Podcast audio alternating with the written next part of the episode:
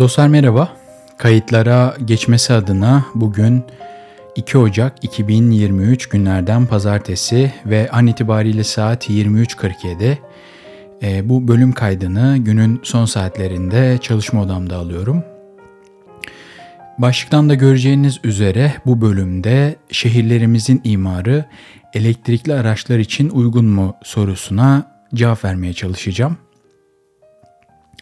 Ee, ben e, bir sitede oturuyorum ve sitemize ait otopark alanlarımız var. Ee, geçen hafta bu otopark alanlarına e, elektrikli araçlar için şarj istasyonları kuruldu. Ee, benim henüz elektrikli aracım yok ama e, Allah nasip eder de bir gün elektrikli araç alırsam en azından evimde aracımı şarj edebileceğim. Bu iyi bir imkan. Muhtemelen bundan bir 5-10 sene sonra artık evler e, yani bir ev alıp satar, satılırken e, elektrikli şarj istasyonu olup olmama kriteri evin fiyatını belirleyen bir faktör olacak. İşte aynı otopark gibi işte yeşil alanı, sosyal donatı gibi önemli bir özelliği olacak. E, tabii bu bu gelişme bende şöyle bir soru e, oluşturdu. E, yani şehirlerimizin imarı e, elektrikli araçlar için uygun mu? Şimdi şöyle izah edeyim.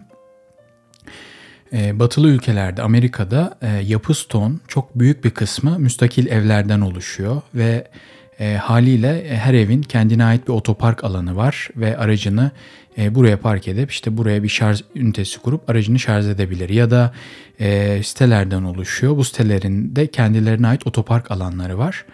E, dolayısıyla e, bu da yine aynı şekilde araçlarını e, şarj edebilme imkanı sağlıyor. E, Türkiye özeline bakarsak ki özellikle İstanbul özelinde e, yapı stoğun çok büyük bir kısmının bağımsız binalardan, apartman dairelerinden oluştuğunu görüyoruz. Yani ne müstakil ev ne de bir site. Haliyle de bu evlerin çok büyük bir kısmının da otopark alanı yok. Hani eğer Avrupa'ya İstanbul'da yaşıyorsanız ne demek istediğimi daha iyi anlarsınız. Avrupa yakasında hani bırakın otopark alanını e, yani bir yangın çıksa itfaiye giremez. O kadar daracık sokaklar e, böyle ilginç e, büyüklüklerde ve şekillerde evler e, yani çok keşmekeş bir tablo söz konusu. Haliyle de hani bırakın e, aracınızı şarj etmeyi e, benim eşimin ailesi e, karşıda Avrupa yakasında yaşıyor e, ara ara gidip geliyoruz. Hani bazen aracımı park et yani park edecek yer bulman için hani bırakın aynı sokakta yer bulmayı birkaç e, mahalle ötede yer bulabiliyorsunuz ancak. Yani ki orada yaşayanlar için bu artık sıradanlaşmış yani evine gelip aracını park etmesi onun için büyük bir mesele. Yer bulmak büyük bir mesele. E, dolayısıyla böyle bir tabloda insanlar işte elektrikli araç sahibi olan insanlar e, araçlarını şarj etmek için hani benzin istasyonlarına gidebilir ama ya şimdi her benzin istasyonunun bir kapasitesi var ve e, bir elektrikli aracın en azından şu an için en hızlı şarj olan modeli e, zannediyorum Tesla'nın e, X modeli. Onda da 40 dakika civarında hızlı şarj ederseniz.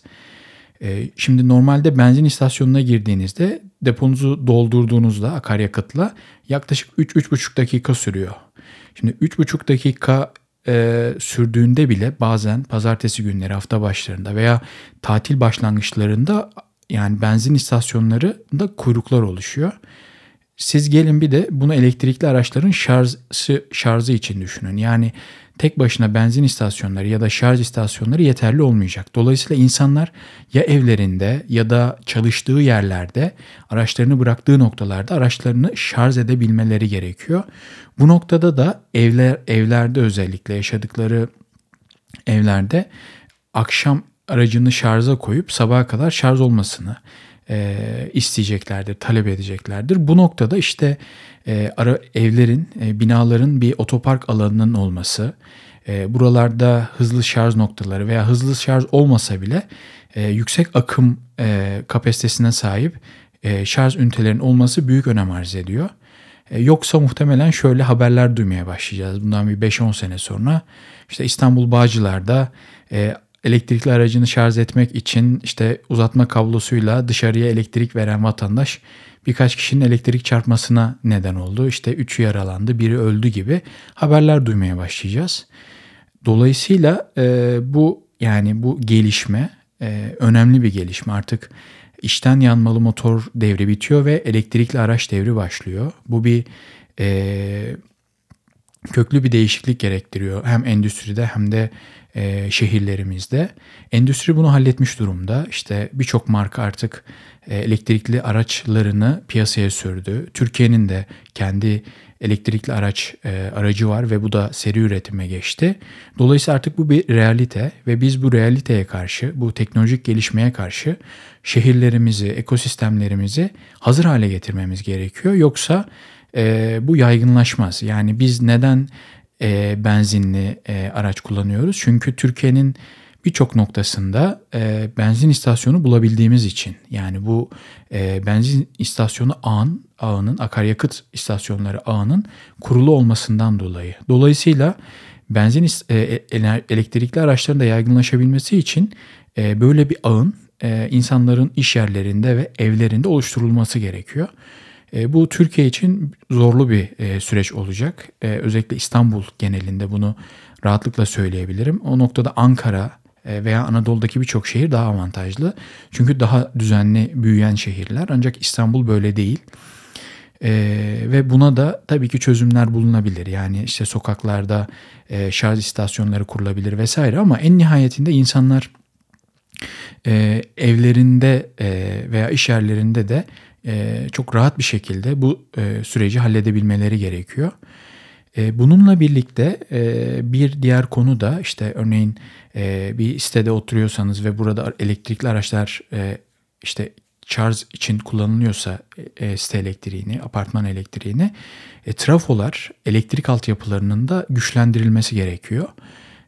Keza şehirlerin, keza ülkelerin enerji ihtiyaçları, elektrik enerjisi ihtiyaçları artacak. Bu da işte hem trafo yatırımı hem altyapı yatırımı gibi birçok farklı sektörü tetikleyecek bir e, süreci başlatacak. Dolayısıyla önümüzdeki 5-10 sene içerisinde bu anlamda ciddi yatırımlar, e, ciddi problemler ve bu problemleri çözen e, çözmek adına ciddi fırsatlar doğacak. Bu fırsatları e, yakalayıp bunlara çözüm üretebilmek bence e, doğru bir hareket olur. Türkiye özelinde ya da İstanbul özelinde konuşacak olursak e, kesinlikle ama kesinlikle e, bulabildiğimiz her yerde, kamusal açık alanda, otoparklarda e, şarj istasyonlarını arttırmak gerekiyor. Bunların ulaşımı, e, kullanımı kolaylığı gibi süreçlerin halledilmesi gerekiyor. Bu konuda tabii ki özel sektörün e, işin içine e, girmesi gerekiyor. Onun dinamizminin girmesi gerekiyor.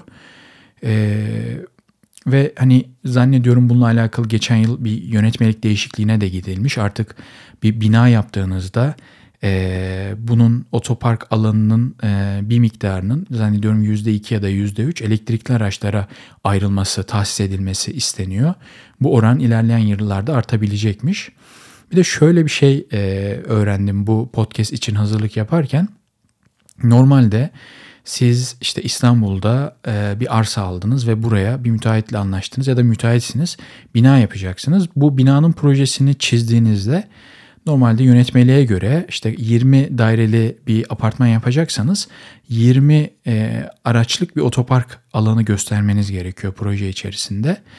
Ancak çoğu müteahhit daha fazla ev e, e, yerleştirebilmek için ya da metrekare kazanabilmek için bu otopark alanlarını hiç hesaba katmıyor ve projeyi eksiyle birlikte kabul edilmesi üzerine işte belediyeye sunuyor. Belediye de e, ya bunu yaparsın ya da cezasını ödersin diyor. Yani çok garip bir durum. Yani madem böyle bir kural var uygulansın yani o proje onay verilmesin.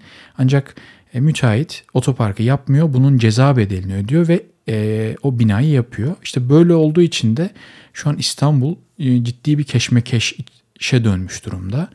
E, umarım e, bunlardan ders alırız ve işte bu elektrikli araçların e, yaratacağı o dinamizmle birlikte şehirlerimizin imarını yeniden değerlendirir ve ele alırız. Bu yapmış olduğumuz hatalardan ders alıp e, şehirlerimizi çok daha yaşanılabilir, e, çevre dostu, e, en azından otopark problemi olmayan e, alanlara, yaşam alanlarına dönüştürürüz.